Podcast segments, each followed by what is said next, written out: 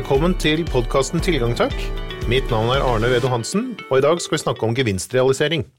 Hvorfor er det viktig å være bevisst på hva man skaper av verdier, hvordan går man fram når man jobber med det, og hva er det som er viktig å tenke på underveis? Til å snakke om det, så har jeg fått med meg min kollega Maria Karlsson, som er rådgiver og endringsleder i Cloudworks, og Håvard Hattestad, som er rådgiver i Habberstad, og som har jobbet med oss i Cloudworks på mange IAM-prosjekter de siste årene. Velkommen skal dere være, Maria og Håvard. Takk for det. Tusen takk.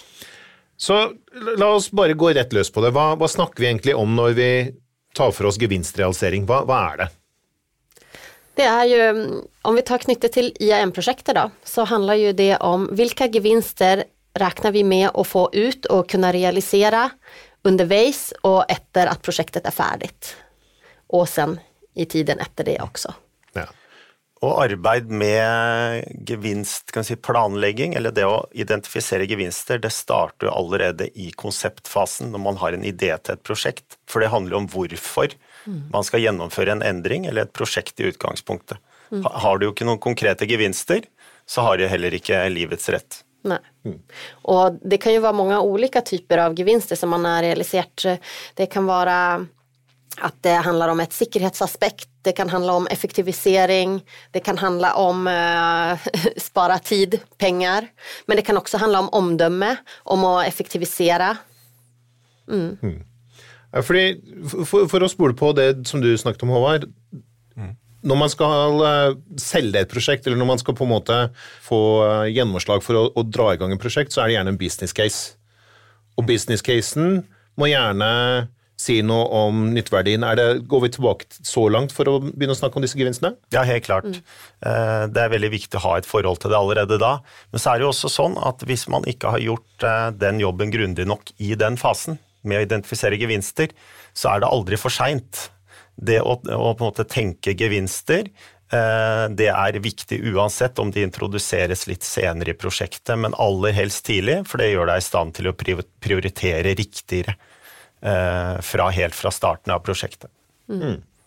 Så, så, hvor begynner man egentlig når man skal sette ord på disse gevinstene?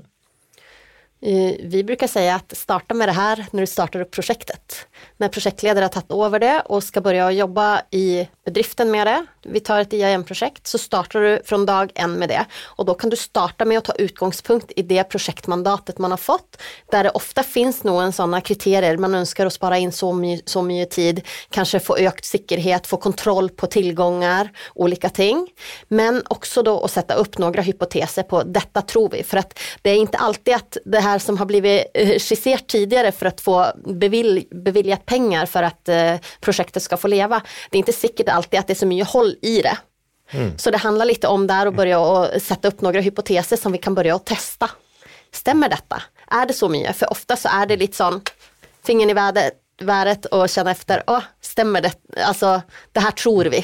Og som en del av det arbeidet så, så kan man jo da naturlig definere et nullpunkt eh, for hvor man er.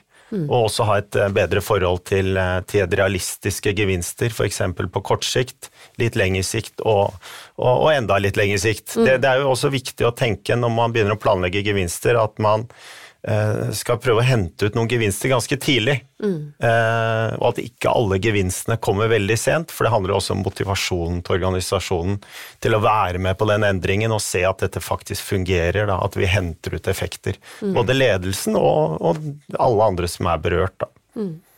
Ja, og jeg tenker det der er veldig viktig, som du sier, å få opp en sånn slags baseline. Hvor er vi i dag? For at hvis vi ikke vet helt uh, hvor mye tid vi bruker på det, hvor, hvor sikkert dette er, så er det svårt å måle om et halvår, om et år, om to år. Hva er forskjellen? Så derfor så er det ganske viktig å få opp den baselinen. Men også som Håvard sier, at hvis man ikke har kommet i gang og startet med det direkte, ja, men start i dag. Mm börja få, få lite bevisstgjøring rundt det, for da blir dette også, som Håvard sier, det styrende i prosjektet i forhold til prioritering av oppgaver. Jeg vil gjerne legge til det du er inne på der, Maria, rundt prioriteringer. Det er jo veldig viktig, fordi eh, si, en feil man ofte kan gjøre, er at man kan se for mye til de delene av organisasjonen som si, markedsføre høyest, at de burde prioriteres først. F.eks. hvis man har en, en, endring som skal rulles ut eh, område for område i en organisasjon. eh, og prioriterer det når det er andre deler av organisasjonen som kanskje hadde større effekt av en, av en endring, eh, og burde si, prioriteres først i prosjektet.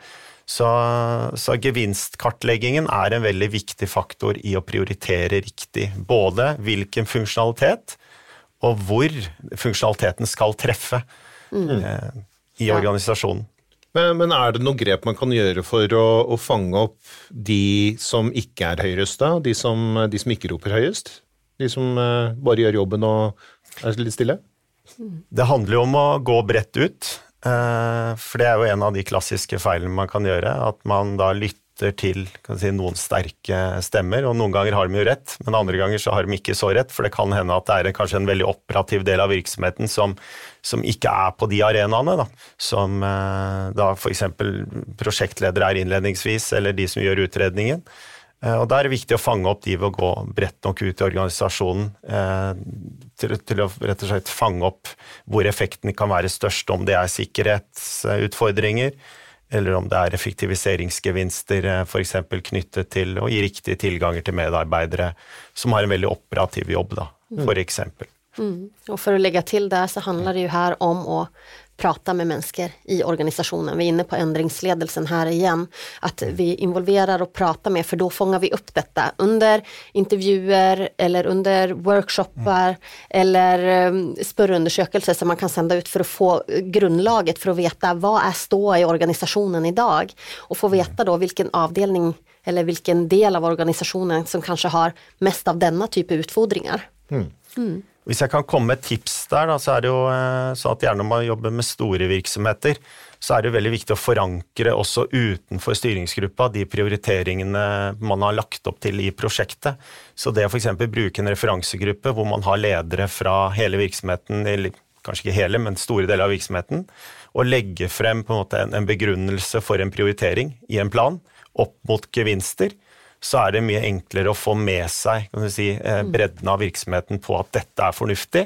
Ok, vi må kanskje vente litt, for det er en annen del av virksomheten mm. som, som har større nytte. Eh, så det, det, i forhold til forankring så er, så er det også veldig effektivt. Mm. Hmm. Når vi skal måle gevinster på effektivisering, så, så er det veldig fort, eller veldig et, et greit regnestykke å si ok, vi, vi sparer så og så mange timer, vi regner så og så mye koster en time med arbeidstid, sånn at når vi har spart ti timer, så, så har vi spart så og så mye kroner i, i praksis. Men IAM handler også veldig mye om å redusere risiko i ulike kontekster. Hvordan går det an å sette litt sånn uh, vurderinger eller rangeringer på verdien av, av den type effekter? Uh, Min erfaring er at uh, man må på en måte bestemme seg for en uh, type skala, gjerne, uh, som har noen kriterier. Lav, middels, høy, typisk, og definere på en måte hva betyr det. og så er det klart at det å måle det opp mot tid spart for, for ledere knyttet til onboarding eller at man ikke har, si, mister arbeidstid når man nyansatt starter på jobb og ikke har tilganger det er jo en krevende øvelse. Så det, jeg tenker at det er noe man må ta opp i eh, både i en referansegruppe og i, og i, en, i en, styringsgruppe, og på en måte sette kriterier. Da. Mm. Men det å ha den type, type rangering, i hvert fall Og så for å legge til, som også kan være fint, det er at hvis man gjør intervjuer eller har spørreundersøkelser og setter opp hvor mange tilfeller har, kjenner du i dag der det er en ansatt som sitter med tilganger den ikke bør ha? Eller som sitter med for få tillgångar för exempel. För att vi får ofta veta det när man sänder ut det och pratar med ledare, de, är väl, de vet om, hur många har du? Ja, och så har vi en baseline och så kanske vi målar igen efter att den här nya lösningen är implementerad så kan vi se, okej, okay, har vi reducerat det? Så kan vi också visa det med statistikk. Mm.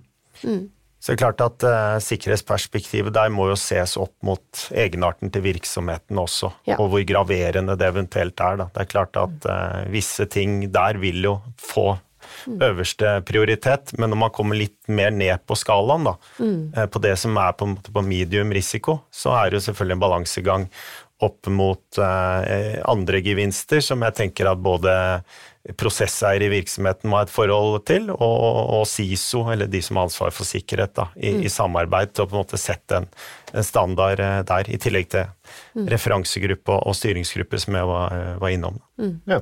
Også noen bedrifter har jo også at de blir styrt og målt på sikkerhet i form av audits eller eh, revisjoner eller annet, og der ser man jo også en klart pekepinn på den evalueringen som blir gjort da, da mm. før og etter. Hva er det som kan være lurt å gjøre i, i forbindelse med sånne gevinstrealiseringsprosjekter? Er det noe, er noe, har dere noen hotte tips på, på, hva man bør tenke på, eller eh, hva man bør gjøre, i tillegg til det som vi har snakket om allerede? Nei, men det viktigste det er jo egentlig starta tidlig. Mm. Start med det her, og hvis du ikke har starta tidlig, så start i dag. Mm. Det er jeg helt enig i. Eh, det er aldri for seint å starte, men mm. start tidlig. Og så mm. handler det også om å ikke slutte. Ja. Fordi eh, når man er ferdig med prosjektet, så er jo noe av det viktigste med den gevinstrealiseringen, det er jo å på en måte skape forståelse også for hvorfor er det viktig å ha et fokus på å opprettholde gevinstene. Mm. Skape et varig gevinstuttak, skape en fornuftig forvaltning mm. av det måte, systemimplementering eksempel som er gjort. Mm. Eh, og det, Der feiler jo mange ofte, ved at man på en måte etter prosjektet ikke har en god overlevering til linjen i forhold til en gevinstrealiseringsplan og et, på en måte en, en, en akseptert oppfølging av det, som innebærer et ansvar for en del. Ja. Så det er, det er, veldig viktig. Det, det, du snakker om med, med gevinster over tid, er jo interessant, fordi er det noe spesielt man kan gjøre for å fange opp nye gevinster som kommer underveis, eller som nye muligheter som man, man ser etter at man har holdt på en stund? Jeg tenker at eh, det å notere seg eh, ja, et, prosjekt vil jo på en måte alltid endre seg underveis. En, et prosjektplan og implementering det, Planen er en plan så lenge den er en plan, og helt til den er endra. Forhåpentligvis så har man en god prosess for å eh, plukke opp endringer tidlig. Men det er klart at når det dukker opp nye behov da, underveis i et prosjekt, så er det jo viktig at gevinstoppfølgingen mm. og identifisering av gevinster følger med på det, sånn at man også kan reprioritere. Eh, og det skjer jo ofte. Og det, det, å kunne evne å prioritere da på nytt, om du kjører et iterativt tilnærming med måte, et smidig prosjekt, eller uavhengig av det egentlig, så, så, tenker jeg det er viktig, og at identifisering av gevinster er en viktig virkemiddel sånn sett, da, til å reprioritere. Ta inn ting, rett og slett, så lenge det er innenfor mandatet, vel å merke, da. Mm. Ja. Og, og igjen, det som du prater om med at man har den när projektet är färdigt, vem är det då som äger detta vidare? Vem äger denna processen som kan ta över den delen? Det är så viktigt för annars så är det ingen som sitter och har ägarskap till det och då blir det inte målt några. Det har vi sett i mm. många tillfällen. Så därför är det ett hot tips att ha just den förankringen. Vem är det som övertar? Mm. Veldig, veldig enig i det. Det er ofte der man uh, feiler. Man har gode gevinst... Eller man har identifisert gevinster, og så handler det om å, å skape varige gevinster. Mm. Rett og slett. Ja, for er det noe dere ofte ser, at når et prosjekt er gjennomført, så har man sett en del potensielle gevinster som man ikke har klart å hente ut som en del av prosjektet, men som man likevel har på en måte notert på blokka. De er på en måte under streken, men mm. er jo fortsatt litt håndfaste gevinster. Ja det er det. Ja. Men som oftest når vi er inne og hjelper til, derfor er en av de viktigste oppgavene vi gjør, er hvordan forankres det her, hvordan ivaretas det her videre? Mm. i organisasjonen når vi er ferdige. Mm. For at oftest prosjekter har en spesifikk levetid. Det her skal jo leve sen forever, eller på å si, mm. men i lang tid framover. Og da å ha den forankringen for å sikre det, og ha den handoveren til de som holder i det her i organisasjonen, og, at den, og gi dem også det her med gevinstene videre. For som mm. du sier, det, vi har jo ofte eh, identifisert mange gevinster som kanskje kommer om to, tre, fire år. Mm. Og selvfølgelig så er det flere gevinster ofte som også kommer av dette her, som vi ikke ens vet om enda. Men da er det viktig at den personen som tar over dette, den stafettpinnen da, efter prosjektleder eller endringsleder, tar det videre og har det i bakhodet. Ja. Det handler jo, det er jo et nøkkelord som uh, vi sier som Og det ordet er etterlevelse. ikke sant? Det er veldig mm. mange virksomheter som er flinke til å ha gode på en måte, modeller for hvordan man skal gjøre ting, men det å følge det opp i mm. praksis, det er jo der mange feiler, og det treffer jo også gevinstrealisering, og spesielt opp mot et IAM-prosjekt, f.eks. hvor du har automatisert la oss si, tilgangsstyring mot et sett av kjerneapplikasjoner. Da. Men så kjøper du inn noen nye applikasjoner, mm. og så følger man kanskje ikke arkitekturprinsippene helt. Og så er ikke de mulig å integrere, og så har man en, en rolleoppsett i forhold til automatisering, og så endrer man organisasjonen, og så har man ikke nok fokus på at dette må følge med endringen. Og så går det utover gevinstuttaket, fordi da er det tilbake til en del manuelle prosesser, du mister kontroll.